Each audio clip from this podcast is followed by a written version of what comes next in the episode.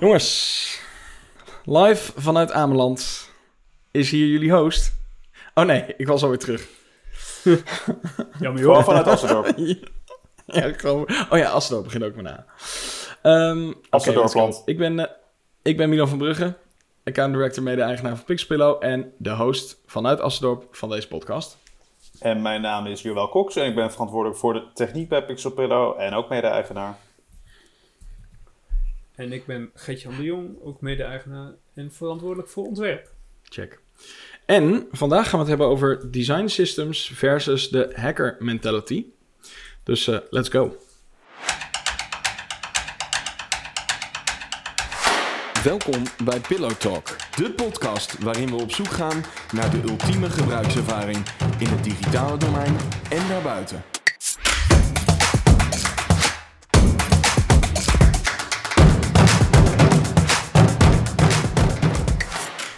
Bij Pixelpillow ontwerpen we geweldige gebruikservaring en daarom hebben we een fascinatie voor de vraag: wat is de ultieme gebruikservaring?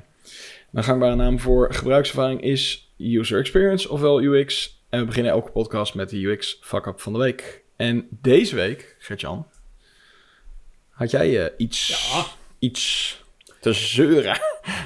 nee, nee, nee. ik had weer wat te mekkeren.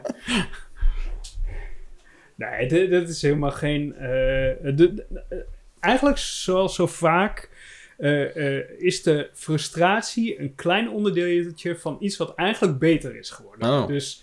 Ehm, eh, tel je rekeningen. Nou, ik moest naar de huisarts. En nu gaat iedereen zich afvragen: Geet-Jan, waarvoor moest je naar de huisarts gaan? Nee hoor, ja. Maar het was gewoon, ik, ik had gewoon een dicht oor en dat moest, je weet wel, dat moest even uitgespoten Ja, worden. nu gelooft niemand het meer, hè? Nee, precies. Maar goed, ik ging een afspraak maken, dus ik, dus ik belde ze. En toen stond er op het bandje, op de, de voicemail wat je krijgt voordat je bij de assistent belandt, stond... Je kan ook een afspraak maken via, eh, hoe heet het? Mijngezondheid.net. Mijngezondheid.net. Die Ik domeinnaam, dacht, en ik ben altijd van...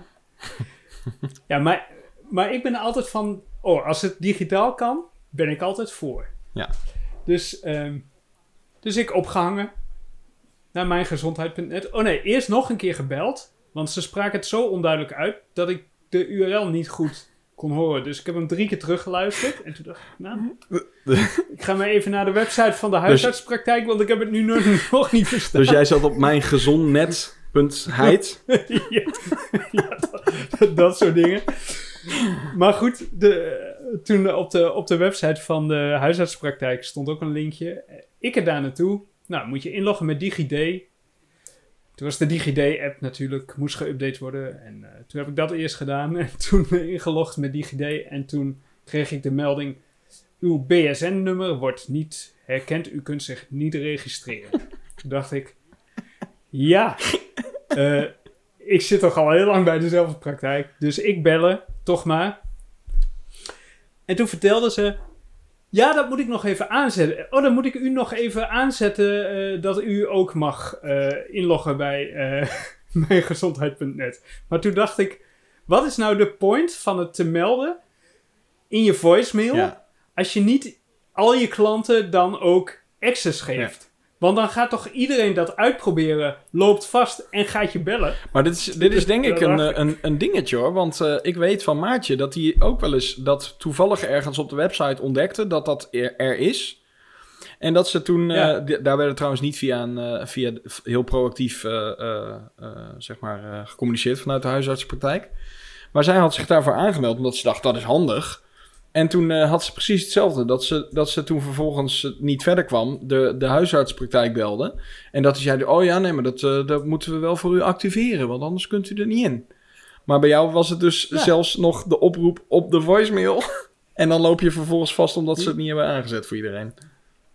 Ja, wat ik op zich snap, want volgens mij door corona worden ze veel meer gebeld nu, Mm. vermoed ik. Mhm. Maar ik denk dat het daarmee te maken heeft. Maar, maar, maar inderdaad, dat moeten ze kennelijk aanzetten. Ze moeten kennelijk aangeven dat jij of dat zou, mag doen. of zou het een soort een AVG-dingetje zijn? Dat je eigenlijk toestemming geeft om... Ja, maar dan kun je het toch ook digitaal wel dan doen? Lijkt mij. Maar eh, de point is, Ja. is toch dat je En het op de, je... de point is... Ja, je zet het op je voicemail omdat je dan eh, denkt van nou, dan, dan, dan word ik minder gebeld. Maar als je dan vervolgens handmatig Ja. nog iets moet doen en daarvoor gebeld moet worden, dan kost het alleen maar meer eh, tijd. Dat je dan de, de hulpdesk voor Ja, mijn precies. gezondheid De- net wordt. Ja, je, je kan dan beter in je voicemail melden van eh, eh, als je dat nog niet eerder hebt gedaan, eh, eh, eh, blijf dan hangen, want dan eh, kunnen we je aanmelden. Precies. Ja. En, en er verbaast me nog een aantal dingen. Ten eerste dat de, de eigenaar van het product heeft iets, heet iets van pharma nog wat. En, en ja, ik weet niet. Ik, vind het, ik vond het niet zo'n goed, goed gekozen naam, omdat het imago van de farmaceutische industrie is niet zo denderend. En je denkt dan toch, wie is er mijn data aan het harvesten nu? dus dat was al een ding. En vervolgens kwam ik op het dashboard. Nou had je, wij hebben ooit voor GGD West-Brabant ook wel eens eh, zo'n dashboard gemaakt. Mhm. Nou, daar leek het een beetje op. Alleen was nergens een call to action. Dus je had wel een widget. En die heette Mijn Afspraken.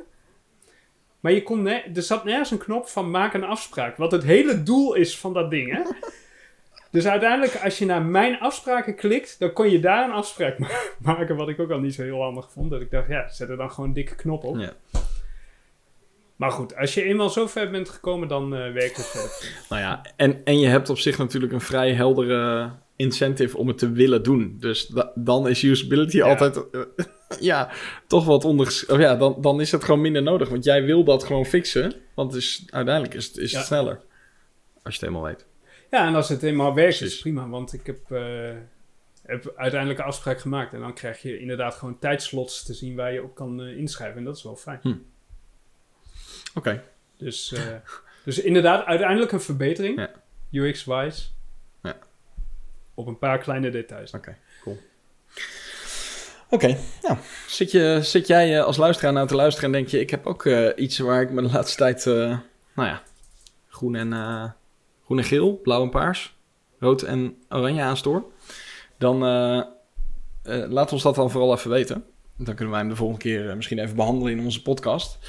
Dan kun je doen door, een mailtje te sturen naar pillowtalk.pixelpillow.nl of door ons te volgen op eh, Instagram, pillowtalk de podcast, en even een bericht te sturen.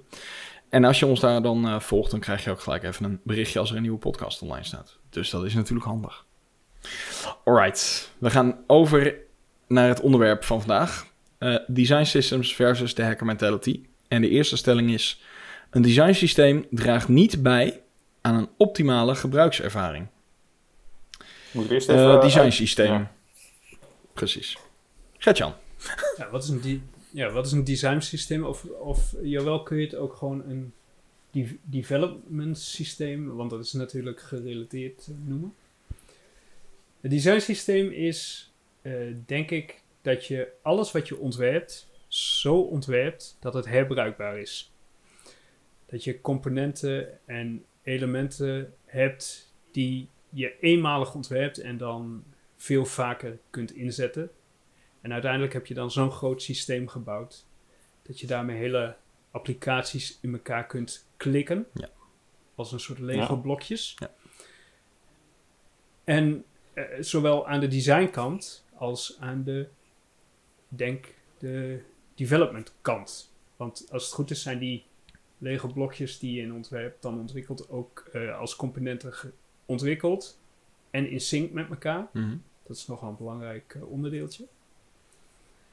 En ehm, nou, dat is Ja, wel en goed. het, Ja. het idee is natuurlijk uiteindelijk dat je daarmee een soort efficiëntieslag maakt, omdat je niet meer over de triviale dingen nadenkt, maar denkt van, hé, hey, we hebben drie soorten buttons, die, die en die. En dat je volgens niet nog een keer na hoeft te denken van, hé, hey, hoe ziet een lijstje, hoe ziet dit eruit? Nee. En dat je dat centraal kan beheren. Dus dat als je de button op de ene plek aanpast, dat die ook op alle de bedoelde plekken aangepast wordt. Ja, en dan is de stelling dat zo'n systeem, of het nou de- design of techniek is, dat maakt misschien al niet zoveel uit, maar dat het niet bijdraagt aan een optimale gebruikservaring. Maar Milan, kan jij niet even de Eh. hacker mentality uitleggen? Waarom vraag je dat aan mij? Vind je mij een hacker? Nou, dan vind ik dat je me heel veel credits geeft als je mij een hacker noemt. Want, eh, nou ja, dat, dat is je hebt natuurlijk de, de term hacker is... eh, voor, de, voor veel mensen is dat eh, iemand die in, een, in een console of terminal-achtige omgeving... hele shady dingen doet. En, en, en dat is, bij ons is de, wat we bedoelen met de hacker mentality, is vooral ehm, dat je eh, als een klant bijvoorbeeld een vraag heeft, eh, ehm, dat je dan niet altijd per se de meest duurzame eh, oplossing hoeft te kiezen, maar dat je gewoon doet wat het probleem oplost. Ehm, en dat je dus even iets in elkaar hackt, bijvoorbeeld. Nou, daar komt een beetje dat, de hacker mentality vandaan. Ehm, en dat is natuurlijk wel heel fijn. eh, dat, dat je dat probleem oplost voor die klant. Maar het, het druist soms een beetje in tegen misschien het designsysteem. Omdat je niet zozeer nadenkt over... past dit precies in het systeem dat we hebben bedacht? Maar meer, dit lost op korte termijn het probleem van de klant op. Dus dat is wat mij betreft eh, wat wij bedoelen met de hacker mentality in deze context. En ehm, het design, design systeem dat niet bijdraagt aan een optimale gebruikservaring. Ja, dat is eigenlijk best wel een moeilijke stelling. Als ik, hem, als ik er zo over nadenk. Want ehm, het, kan, eh, het kan een gebruikservaring in de weg zitten. Eh, omdat je misschien een keuze maakt op basis van een systeem dat je hebt bedacht. En omdat je, dat heb je bedacht omdat dat ehm, voordelen oplevert. Bijvoorbeeld beheersbaarheid in techniek, wat ook gewoon echt minder kosten met zich mee kan brengen. Ehm, maar ook beheersbaarheid in design, omdat je minder variaties en eh, het, wordt, het wordt fuzzy als je verschillende, heel veel verschillende varianten van een knop bedenkt. Dus het, het, ja, elke variant die je erbij bedenkt, die kost geld. Eh, dus in die zin is een design systeem heel logisch. Ehm, maar misschien is de, ja, is, is de, de vraag die, eh, die voor je ligt, heeft hij wel net even een, een, een andere knop nodig? Of, eh, of een ander eh, element wat nog niet in dat systeem zit. Ja. En dan kan het, eh, En dan, ja, kan het afbreuk doen. en dan op dat moment is de afweging natuurlijk. Ga je je designsysteem uitbreiden Precies. Ja, of niet? Ja. En uitbreiden kan soms... Uitbreiden is in een designsysteem veel complexer dan in... Als je het gewoon ad hoc doet. Ja. Want je moet niet alleen op de...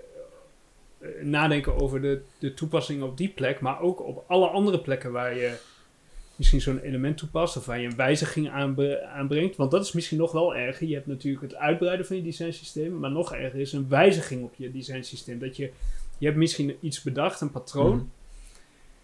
en je komt er na eh, een periode achter dat dat patroon, omdat een nieuwe situatie zich voordoet, zich net anders moet gedragen. Maar vervolgens is dat patroon al op een heleboel plekken geïmplementeerd. En als je daar dan aan gaat trekken, dan trek je aan alles. Dus dat, dat is volgens mij nog complexer dan, eh, Nou ja, dan het maken van een nieuw pattern. Ik, ik denk dat het ook, eh, als je het dan hebt over de gebruiker, wat is in het. Kijk, een design systeem kan, als je het even heel erg eh, eh, hoog over bekijkt, ook natuurlijk. eh, stel nou dat een hele grote organisatie door een design systeem te hebben, ontzettend veel kosten bespaart. Bijvoorbeeld, je bent een verzekeringsclub. en je bespaart door een design systeem en, en in techniek een systeem te gebruiken, component-based te werken bespaar je echt ontzettend veel geld op jaarbasis. Ja, stel dat is een, een inshared, ik noem maar wat. Nou, die geven, eh, geven als ze geld overhouden, volgens mij, ik weet, niet, ik weet niet of ze het ook echt doen, maar in ieder geval, volgens mij geven die eh, eh, eh, een deel van, van wat ze besparen, geven ze terug aan hun, eh, aan hun leden. Eh, ja, dan, dan is het een betere gebruikservaring. Want dan krijg je gewoon weer eh, Ja. je geld terug. Maar, Nou, of je krijgt meer functionaliteit voor je, ja, voor je geld. Ja. Nou, maar we, we zeggen ook wel eens tof, eh, waar, waar je ook wel eens mooi hoort. Kijk, als je de hele basale patronen die er in de applicatie zit, als je die al kan afvangen, dan heb je voor hetzelfde budget heb je meer tijd om te besteden aan de dingen die heel specifiek zijn, die complexer zijn. Dat is vaak Ja. ook een, Ja. een. Dus enerzijds heb je natuurlijk de simpele dingen waar je eigenlijk niet over na wil denken en die eigenlijk geen extra energie zouden hoeven vereisen. Die kan je snel afhandelen Mhm. en daarmee hou je meer over om na te kunnen denken over de, nou ja, de specifieke patronen die heel specifiek zijn voor het afhandelen van een eh, nou ja, een eh, verzekeringscase of een claimcase of zo. Ja, de, de dingen waarmee je kan onderscheiden ten opzichte van de rest. Want dat doe je niet met een standaard blog of een standaard FAQ, calendar ja. view of ja, dat soort, dat soort dingen. Nee, en ik zit nog aan een ander ding te denken. K- Kijk, het, het kan nadelig zijn voor de gebruikservaring als jij altijd kiest voor de elementen die je al hebt, zonder nog te kijken naar wat in het belang van de gebruiker is. Hmm. Hè? Dus als je heel erg eh, gaat, gaat ontwerpen eh, vanuit je eigen belang, namelijk oh, eh, hiermee kan ik snel iets in elkaar zetten, in plaats van hiermee kan ik iets optimaals Mhm. in elkaar zetten. Maar wat wel het voordeel is voor de gebruiker van een designsysteem, is dat je wel consistentie houdt. Ook al, zeker als er met meerdere mensen aan gewerkt wordt natuurlijk. Als je met, met drie man of met een heel team aan een applicatie werkt en, eh, en elke ontwerper gaat zijn eigen ehm, dingetje doen, dan wordt misschien zo'n applicatie al heel snel voor de gebruiker heel eh, onduidelijk, omdat het overal op, op elke pagina anders werkt. Stel dat een drop-down er, er op elke pagina anders uitziet of zo, of, of zich anders gedraagt, dan word je ook als gebruiker een beetje gestoord Ik- van. Dus, dus daarin is het weer gunstig. Ja, ik heb het antwoord op deze stelling. Nou, Nou, ik, ik denk dat eh, eh, ehm, hacker mentality eh, heel nuttig is. En ehm, heeft, me, heeft me in het verleden ook een hoop leuke, leuke dingen opgeleverd. Naast het feit dat je er soms ook eh, gek van werd, omdat mensen dan verwachten dat je alles gewoon voor ze fixt eh, eh, zonder in een systeem te denken. Maar volgens mij moet je gewoon per definitie niet te ad hoc in oplossingen denken. Maar wat je wel kan doen, kijk, wij geloven heel erg in gebruikers betrekken. Eh, maar wat je natuurlijk wel kan doen, is gewoon, zeg maar, regelmatig kijken of het designsysteem, eh, zoals het wordt toegepast, nog goed werkt voor een gebruiker. Dus stel nou dat jij een oplossing hebt bedacht, puur en alleen op, op basis van het designsysteem. Ik zeg maar wat, een landingspagina, waar inderdaad die standaard knop op zit.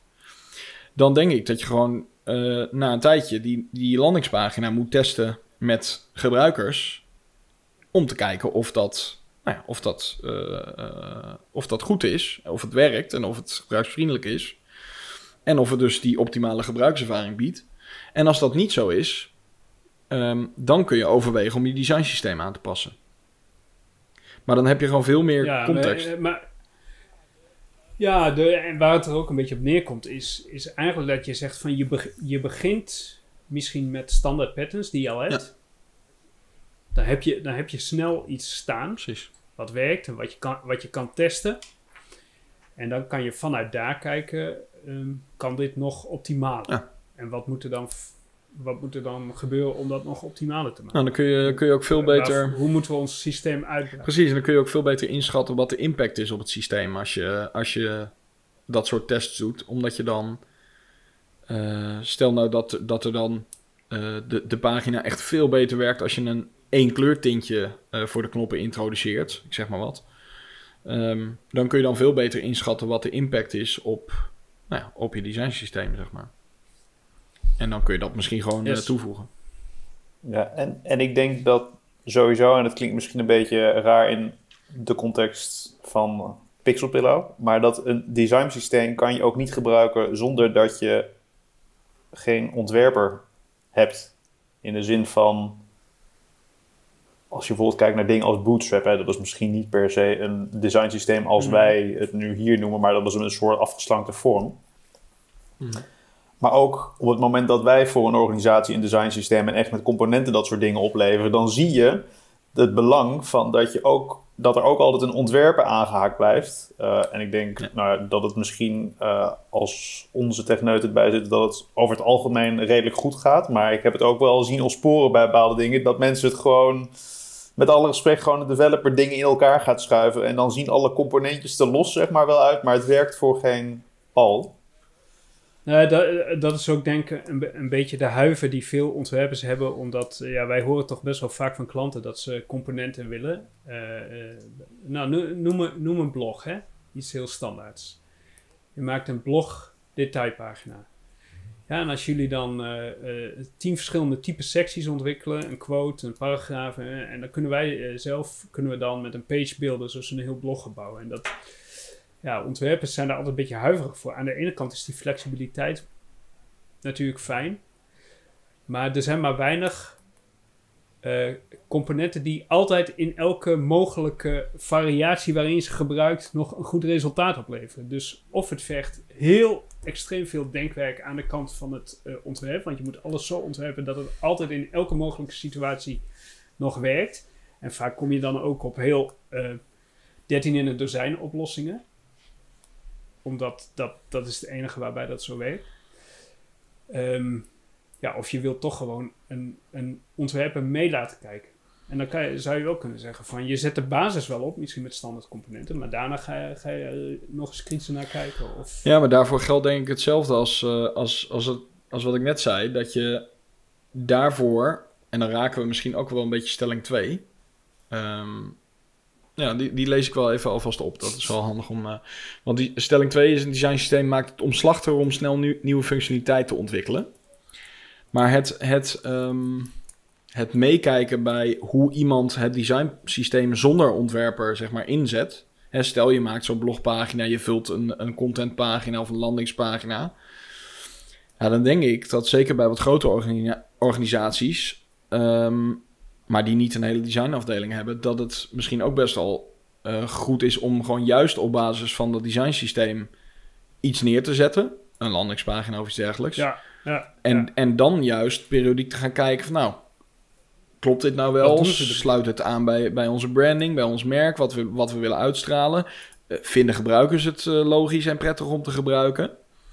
Ehm, maar ik denk toch wel dat, dat altijd een designer mee laten kijken, dat, dat wil volgens mij niet, eh, nou ja, dat wil bijna geen enkele klant denk ik, want dat kost gewoon heel veel geld en, eh, en, het, en het vertraagt de boel. Dat is natuurlijk ook een belangrijk eh, argument.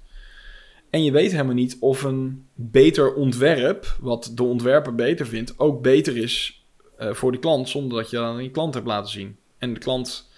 En je gaat niet elk ontwerp dan uitwerken en met een gebruiker testen. Dus soms zet je gewoon zo'n landingspagina online als, als, als organisatie. En dan eh, kijk je wel wat er gebeurt. En ja, dan is het natuurlijk op zich al heel mooi als dat op basis van een designsysteem gebeurt. Want dan weet je in ieder geval dat het in basis eh, aan bepaalde voorwaarden voldoet eh, van, van de kaders die je met elkaar binnen dat systeem hebt, hebt afgestemd.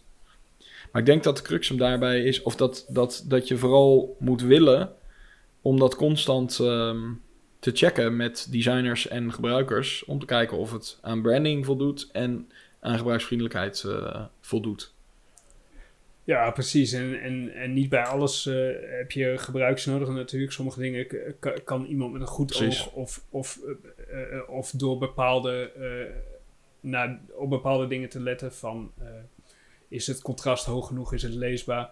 Ik noem maar een voorbeeld. Stel je, je, je maakt een designsysteem en je hebt eh, bedacht dat er een witte tekst over een foto heen loopt. En eh, mensen gaan het vullen en die plaatsen een witte foto of een hele lichte foto waardoor die tekst halfweg valt een beke- bekend dingetje. Ja, dat kan je ook wel natuurlijk eh, gewoon als je een keer kritisch kijkt zeggen van nou dan is dit geen bulletproof oplossing. Daar moeten we iets eh, op bedenken als er dat soort foto's geplaatst Ja. En die optimalisatieslag zou wel mooi zijn als je die regelmatig zou kunnen doen. Gewoon één keer in de tij- zoveel tijd is goed kijken nog naar, naar wat er gereleased is en, En dat is even om... en eh, waar het te verbeteren ja, valt. precies. Oké. Ehm, nou hebben we stelling 1, eh, daar hebben we een heleboel over gezegd, maar wat is de conclusie? Design systeem draagt niet bij aan een optimale gebruikservaring. Nou, ik denk een, Ja, ik, zeg maar. Nou, ik denk een design systeem wat niet dynamisch is, dat draagt niet bij aan een, eh, aan een eh, eh, optimale gebruikservaring. Ik denk dat dat het belangrijkste is. Dat je moet niet dat systeem neerzetten en dan eh, twee jaar later denken, nou, dat was een leuk systeem. Duur systeem. Ja. ja, je moet doorontwikkelen. Ja. Nou, je moet af en toe moet je, moet je dus, even ja. prunen, zeg maar. De, de, af en toe de, de, de oude takken moet je wegsnoeien. Maar, maar, is, Ja. maar is dan design systeem wel de goede naam? Moet het dan niet een, een design... Struik. Nou ja, een organi- Tuin. organisme, dat is niet de goede Nee, naam, maar dat eh, iets wat meer... Ja, maar dat, dat is het wel een beetje. Het is wel een, een soort tuin. Tuin die groeit en die je een beetje bijsnoeit. En, en eh, soms knoop je wat planten vast, want die, die, die gaan wat eh, Ja. te veel in eigen gang. Ja. En, Ja. ja, en, en, en, en het vergt net als een tuin, denk ik, continu onderhoud. Tenzij je alleen maar tegels Dat hebt. is denk ik de belangrijkste. ja, de, de, de, ver- de verharding van de samenleving noemen ze dat. Ja. Ja, maar goed. Nou ja, dan vind ik designtuin eh, nog niet helemaal de naam eh, die, die het lekker doet in marketingbegrippen. maar Ah, die, die zijn organismen. ja, Ja, ja, weet ik ook een niet. organisme, dat moet echt iets eh, van weefsel zijn. Hè? Dat schijnt wel de definitie te zijn. Ja, eh, Maar goed, dat maakt ook niet zoveel uit. Eh, laten we vooral niet in die metadiscussie vervallen. Maar, maar het is wel interessant dat het systeem suggereert toch wel iets eh, vrij definitiefs. Tenminste, in mijn... voor mij is het een vrij definitief iets. Terwijl het dus eigenlijk veel meer de, de- het, het cyclische en het, en het, ehm, het continu verbeter eh, verhaal in zich zou moeten hebben. ja dus, dus dat woord is inderdaad eh, niet goed ervoor. En misschien ook wel de reden dat het vaak eh, niet doorontwikkeld Ah. wordt. Omdat mensen denken, ah, het is een systeem. Hm. Dus, Nou, ik ben wel benieuwd. Misschien luistert wel Ah, iemand, eh, ja. misschien luistert wel iemand die, eh, die, die datzelfde, diezelfde vraag wel eens heeft gehad en daar wel een eh, goede term voor heeft eh, bedacht. Nou, je hebt er een hele mooie term Mm. voor. Oh, wat Ik dan? weet het, ja, maar dat is, ja, je hebt eh, in de, in de bedrijfskunde heb je een, een, een substroming en dat heet systeemtheorie. En daar hebben ze het over autopoëtische syste- systemen. Dat zijn, Oh ja, die is wel, ja, die gaat, eh, die, nee, die ik zei niet dat het een goede marketingterm was, maar dat is wel, de definitie is wel goed. Want het is een systeem wat zichzelf Hij is bij mij nog steeds niet helemaal ingedaald. Wat, wat zei je nou? Autopoëtische systemen. Die zichzelf onderhouden en verbeteren. Oké, cool, mooi. mooi. Ik snap er niks van, maar het klinkt goed. Dacht ik. Ik ga het wel even opzoeken straks om het een beetje te kunnen ontleden. Oké. Ehm, als iemand nog een catchy naam eh, weet, dan horen we die natuurlijk ook graag. Eh, en, en stelling 2 dan, hebben we die dan eigenlijk ook al beantwoord? Een designsysteem maakt het omslachtiger om snel nieuwe functionaliteit te ontwikkelen. Nou, ik, denk dat die tweeledig is. Mhm. Ehm, in design wel en in development niet, denk ik. Ik denk dat ontwerpen, eh, nou niet altijd, maar soms, soms trager gaat dan, dan de hackermentaliteit. Want dan, dan kan je gewoon iets in elkaar schuiven. Terwijl als je in een systeem moet werken, dan moet je telkens nadenken over. ehm, eh, ben ik nu niet een nieuw patroon aan het introduceren? Ben ik nu niet een bestaand patroon aan het kapotmaken? Ben ik. eh, eh, en als ik iets nieuws maak, dan moet ik het ook documenteren. En, ehm, En dan moet ook... en, en, niet alleen, en niet alleen de uitvoering ontwerpen, maar ook het patroon moet je dan ontwerpen. Dus dat moet je telkens dubbel doen. Dat kost ook heel veel tijd. Ja, en als een collega het een keertje overneemt, eh, je designwerk, dan moet hij ook... eh, eh, dat is ook nog wel een dingetje. Die moet dan ook niet opeens allemaal Ja. nieuwe dingen gaan introduceren. Ja, dat, dat Nee, klopt. Dus die moet het systeem al kennen. Maar ik denk dat het in development heel veel tijd scheelt juist. Omdat in development kan je natuurlijk sowieso denk ik al moeilijke ad hoc dingen doen. Maar ik denk dat het een beetje afhankelijk is hoe je, hoe je vanaf welke ho- hoek van qua opleiding je zeg maar komt. Kijk, als je wat meer formeel geschoold bent, dan is er waarschijnlijk helemaal ingestampt dat je dingen moet abstraheren en dat je dingen helemaal dynamisch moet maken. En als die mensen natuurlijk iets niet in het systeem krijgen, dan moet het toch in het systeem. En dat is natuurlijk ook contraproductief. Eh, terwijl als je waarschijnlijk meer autodidact bent, dan sta je er wat pragmatischer in en dan ben je gewoon meer van de getting shit done in plaats van de meest eh, theoretisch perfecte oplossing. Dus ik denk dat dat nog wel scheelt. Ik denk dat vooral dat bij veel ontwikkelaars het altijd is op het moment dat je een uitzondering maakt, weet je zeker dat dat gewoon heel veel extra onderhoud in de toekomst mee gaat nemen. Omdat is weer een uitzondering die je moet gaan testen. Elke volgende keer dat je daar weer een aanpassing aan gaat maken, moet dat weer geverifieerd worden. Eh, het is weer een stukje complexiteit die nou ja, het minder overzichtelijk, minder makkelijk te, eh, te beseffen valt. Maar als je de juiste abstractie of de juiste ontkoppeling zeg maar, kiest, als je op zo'n manier schrijft dat het weinig invloed heeft op het omliggende systeem, dan maakt het weinig uit als je iets ernaast zet. Maar als, je, als het helemaal verweven is met iets anders, dan wordt het natuurlijk veel complexer. Maar dat is wel interessant, want ehm, stel een klant vraagt je om even Mhm. iets te fixen. Jij denkt hacker mentality, ga ik snel fixen, kost niet duur, Wa- want heeft snel gedaan. En dan op lange termijn Ja. Is het natuurlijk wel een dure Tuurlijk. oplossing, want je moet dat telkens onderhouden. En die, dus iemand draait daar voorop natuurlijk, de klant of jijzelf. Het zou wel echt vet zijn als je gewoon Ja. op het moment dat je dan de inschatting geeft, dat je dan zegt: Oké, Erbij zeggen, wat we wil- kunnen nu voor 1000 euro kunnen we dit voor je fixen. Maar de komende vier Ja. jaar kost het je elk jaar 5000 euro. Nou, ik heb, let, nou, ik heb letterlijk. Vorige week vrijdag heb ik, heb Ja. ik een klant die vroeg ergens om advies. Ik zei: Dit is volgens mij de beste oplossing. Nee, ik heb er geen prijs bij gezet. Dit is volgens mij de beste. En dat was niet echt iets heel complex. En het was niet dat het ene meer of het andere kostte. Maar in de toekomst zou dat heel veel onderhoud met zich mee gaan nemen. Ik zeg: Nee, nee, we willen graag dit. Toen heb ik wel teruggemaild. Prima, gaan we het zo doen. For the record, dit is niet mijn aanbeveling. Nou ja, Nee. als ze dan nog steeds tegen ingaan, ja, dan eh, heb ik alles drie keer geprobeerd om mijn klant te overtuigen. Ik bedoel, ja. Nee, maar het is best inter- Nou, de- het interessant. kan, kan voor een klant ook een afweging zijn gewoon. Hè? Misschien wil hij gewoon snel iets, is zijn budget voor dit jaar op en denkt hij, nou dan fixen we het nu even Ja. quick and dirty. Ja. En dan gaan we het volgend jaar eh recht trekken of Ja, het- dat gebeurt al nooit. Ik zie je wel al kijken. Zet no client ever. Ja. Echt cynisch. We zijn echt die gasten van de Muppet Show. Maar, ja, nee, dat... boe. maar dat is wel... Het is wel... eh, ik denk wel dat heel veel klanten... eh, op het moment dat jij zegt van... Nou, ik zou het niet doen, want dit en dit en dit. Dat, dat heel veel klanten dan niet weten... Oké, ik betaal nu minder, maar het gaat me echt zoveel en zoveel en zoveel in de komende jaren kosten. Terwijl, ja, misschien, misschien kun je er wel een soort, soort inschatting van, van maken. Terwijl als je zegt, nou, of je betaalt nu in plaats van die 1000 euro betaal je 5000 euro. En dan heb je er eh, elk jaar eh, eh, 500 euro eh, kosten aan. Het- Ja, dan, dan, is, het, dan is het wel een. dan, dan, dan denk ik dat een klant er wel anders naar kijkt. nou ja, en in dit geval ging het nog niet Nee, eens echt over dat het ene meer of minder kostte, maar dat ze gewoon een bepaalde oplossing voor ogen hadden. Die gewoon Ja. minder, nou ja, minder duurzaam was. Ja, en dat Ja. kost eigenlijk.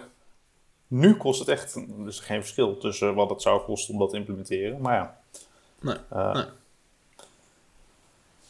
Bijzonder. Ja, het, is wel, het, is, het, is, het is wel interessant. Ik denk dat als je dat, dat, je, als je dat gewoon echt in euro's... Ja, ik bedoel, je kan het nooit helemaal in euro's uitdrukken... omdat je het gewoon niet weet. Het is een glazen bol. Maar ik denk dat het voor veel klanten best wel nuttig is... om dat gewoon... om dat toch te proberen iets daarover te zeggen. Omdat ze gewoon dan snappen... oh, oeps, als ik, dan, dan gaan ze er misschien toch nog wat beter over nadenken. Maar goed, dat... eh, Ja, nee, het is ook best wel heel, het is heel knap als, als, ik denk, en als een partij die advies geeft, maar ook een klant daarin meegaat. Want afgelopen jaar hebben wij een systeem herbouwd voor een klant van ons. En dat was een eh, systeem wat eh, e-mail verstuurde, echt veel, veel mails per dag. En dat was destijds gebouwd door een andere partij en die heeft gezegd, we gaan het nu bouwen en dit kan tot, eh, weet ik veel, eh, 10.000 mailtjes eh, per eh, twee, drie uur, zeg maar, kan dit. Of subscribers kan dat, eh, kan dat handelen. En daarna moet je het gewoon opnieuw gaan ontwikkelen. Ja. Was heel duidelijk voor die klant. Want nu zaten er 25.000 mensen, of abonnees zaten erin. Zeiden van, ja, Ja. we weten dat het al een tijdje kraakt. Please help us. Ja. Nou ja, maar het was heel duidelijk voor die klant dat dat gebouwd was binnen een bepaalde constraint. En daar zaten ze al lang overheen, dus ze wisten dat er iets aan gedaan moest worden. Dus door van Precies. tevoren die verwachtingen te scheppen. Nou, maar dat is best wel een goed voorbeeld van, van ehm, eh, die hacker mentality. Want, want dan weet je gewoon, mijn klant wil, heeft misschien een, een idee waarvan ze nog niet weten of het gaat werken. Dus ze weten niet of ze na twee jaar eh, daar nog heel veel geld in willen stoppen. Maar wij kunnen nu iets maken wat zeker twee jaar mee kan. en wat een, een prima oplossing is voor nu, maar waarvan we nu al wel weten dat het dan, als je er daarna mee verder wil en er moeten meer gebruikers in, dat je er wat een investering in moet stoppen die het, eh, om, het, om het beter te maken, zodat het er wel aan kan. Nou, dat is best helder. Ja, ja en, nu, en nu komen we misschien ook wel een beetje op eh, wat, wat wel een voordeel is van die hacker mentality, is dat je, ehm, eh, je kan vooraf niet alles voorzien. Nee. Dus als jij een systeem gaat bouwen, een design systeem, en je gaat van tevoren helemaal proberen te bedenken hoe dat moet gaan werken en wat alle mogelijke variaties zijn en hoe gebruikers ermee eh, gaan interacteren, dan ehm, kom je waarschijnlijk alsnog achteraf achter dat je een heleboel dingen gemist hebt. Terwijl als je iets meer een hackermentaliteit hebt, dan gaat het sneller live, kun je sneller zien wat, waar het misgaat en dan kun je daarop optimaliseren. En dat is wel het voordeel. Ja, Ja. programmeurs die noemen dat premature optimization. Dus dat je inderdaad iets gaat maken voor iets wat je niet weet of je het ooit nodig gaat hebben. Ja. En eh laatst, Ja, ja, dat gebeurt volgens mij best veel. tuurlijk, nou ja, ik weet vooral dat het veel in techniek gebeurt, omdat er gewoon heel veel techneuten zijn die dat gewoon echt heel leuk vinden. Terwijl het natuurlijk eigenlijk niet, heb no- het ook. niet nodig is. Nou, ik heb me er ook best wel vaak schuldig Nee, aan gemaakt, moet ik eerlijk zeggen. Maar, eh, Nou, die code ben, Ja, dat doe ben ik ook niet geen techniek. Nee, ik, nee, maar ik heb iemand wel eens horen zeggen dat, eh, dat alle developers die die kenden eh, eh, gek waren op efficiëntie. Dingen zo efficiënt en herbruikbaar mogelijk maken. Dat, zit toch een beetje, dat is toch een beetje... de Slaan we er gelijk uit denk ik. pitchpillen. is, dit, is dit een waarschuwing? Moeten we mensen gaan taggen in de socials? Nee hoor. Ik ga het wel voor de grap doen. Dat mag nu wel, maar want nou, ik kreeg eh, recentelijk zelfs de opmerking van iemand die zei: Ja, jawel, ik was dit een beetje aan het over-engineeren. En toen dacht ik: Nee, ik ga het toch simpel doen. Nou, toen dacht ik: Nou, dat is geslaagd. Ja. Mooi, leuk. Ehm, we hadden ook nog een derde stelling, hè, jongens. En dat is namelijk eh, een hacker mentality is een prima aanpak voor een product dat niet zo lang mee hoeft te gaan. Nou, ik heb het idee dat we er al een klein beetje aan hebben geraakt. Ehm, ja, Nou ja, je, je zou kunnen denken, st- stel dat je een, eh een campagnesite eh, neer moet zetten die, die eh, een half jaar moet draaien of zo. Ja. En dat is voor een campagnesite misschien al lang. Mhm. Ja, dan kan je wel je tijd en energie in een systeem gaan zitten steken, maar dat is misschien niet zo nuttig. Nee, nou ja, en misschien wil je dan wel een, tot op zekere hoogte een design systeem. Want je gaat er denk ik wel vanuit, eh, eh, ja, ik bedoel, je hebt wel, neem ik aan, de intentie bij veel dingen die je maakt om er langer mee door te gaan.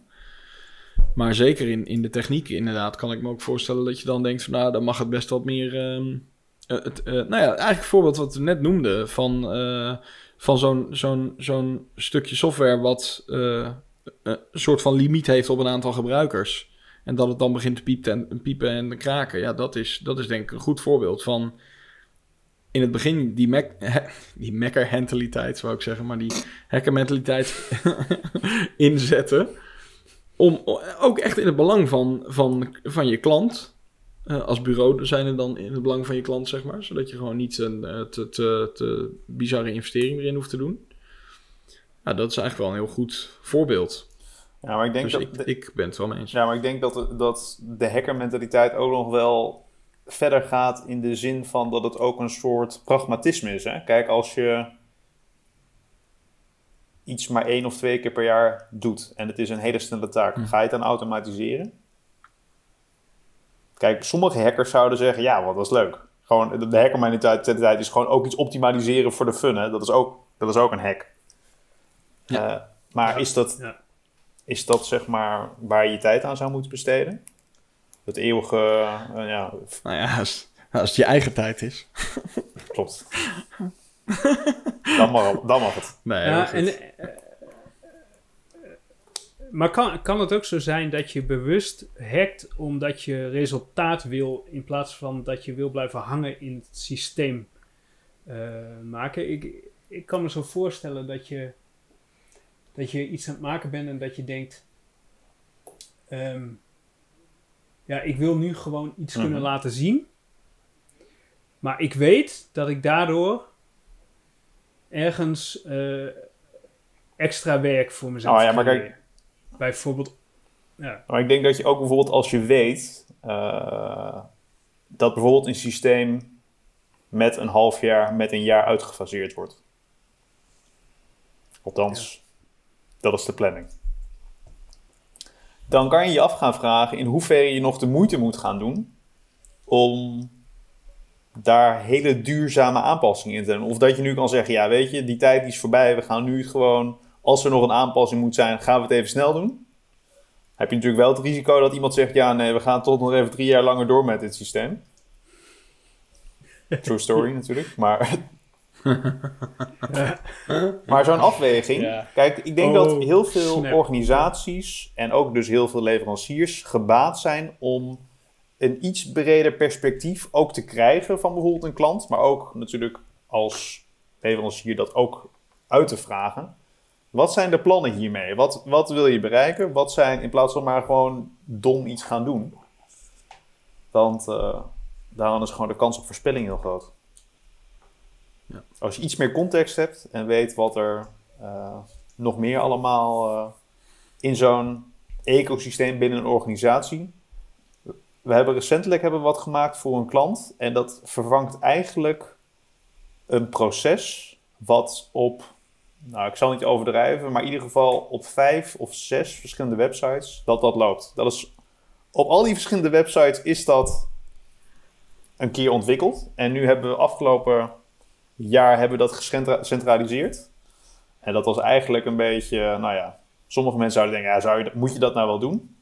Maar nu zie je langzaam maar zeker dat zich dat uit begint te, begint te betalen. En dat het nu op plekken waar ze nooit gedacht hadden dat ze dat wilden gaan doen, dat ze dat ook daar toevoegen of daar ontsluiten. Ja. En dan zie je dat zo'n duurzame oplossing, die, eh, dat dat toch begint te werken. Maar pas nadat er dus is bewezen door, nou ja, hoe lang zal het zijn? Vijf, zes jaar, dat die behoefte er blijkbaar is. Dus het is ook niet per se dat het het een of het ander, maar het is misschien ook vaak. Eigenlijk heeft het vijf tot zes jaar geduurd om te bevestigen dat die behoefte er is. En daarna bleek pas dat de verbeterslag, dat, dat, dat het interessant was om dat samen te gaan voegen en te gaan stroomlijnen. Ja. En dan eh, wordt het een soort eh, vliegwiel.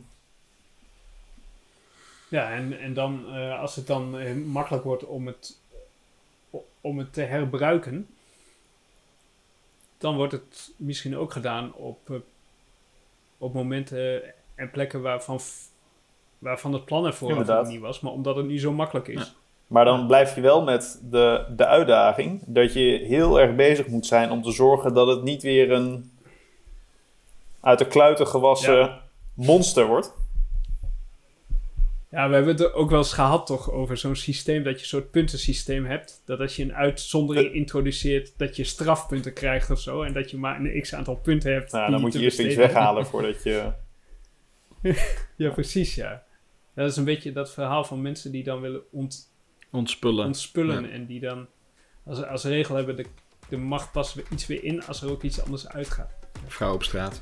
Ik vond het een beetje Geert, Geert Wilders klinken, maar dat. eh, Ja, ik wil een playseat. Moet weg. Oké. mooi. Ehm, Oké, maar ik denk dat eh, de stelling 3 in Hacker Mentality is een prima eh, aanpak voor een product dat niet zo lang mee hoeft te gaan. Of ik denk dat je die ook wel, eh, of dat je kan zeggen, of, of voor een product dat net is begonnen, een soort start-up zeg maar, product. Ik denk dat dat inderdaad, dat dan de hacker mentality wel de, de way to go is. Ehm, en, en als het zichzelf bewijst, heeft bewezen dat je dan eh, eh, sowieso dat systeem wil gaan, eh, gaan, gaan maken of in ieder geval uitbreiden. Ehm, maar ik denk wel zelf dat, ja, tot op zekere hoogte heb je het natuurlijk, de, het design is toch stip op, op de horizon.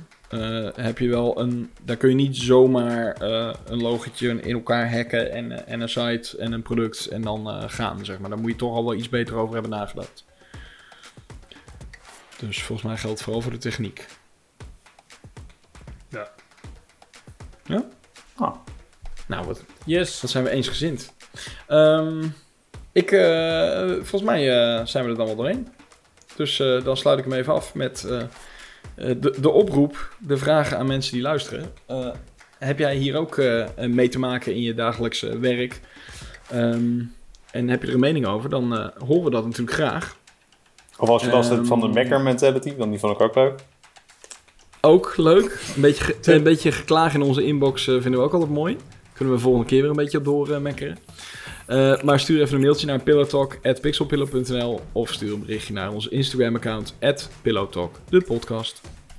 En dan eh, ronden wij hem af. En dan eh, horen jullie ons de volgende keer weer. De groeten. Dag, dag. Dag, dag.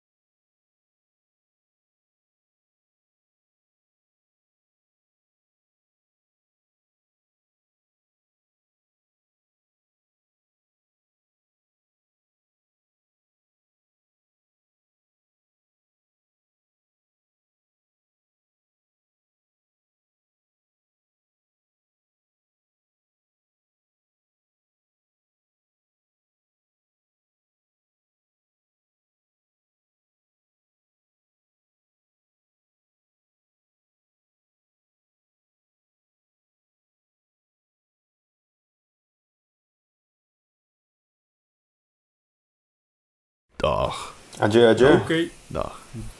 Dag allemaal. Dag. Dag, lieve kinderen.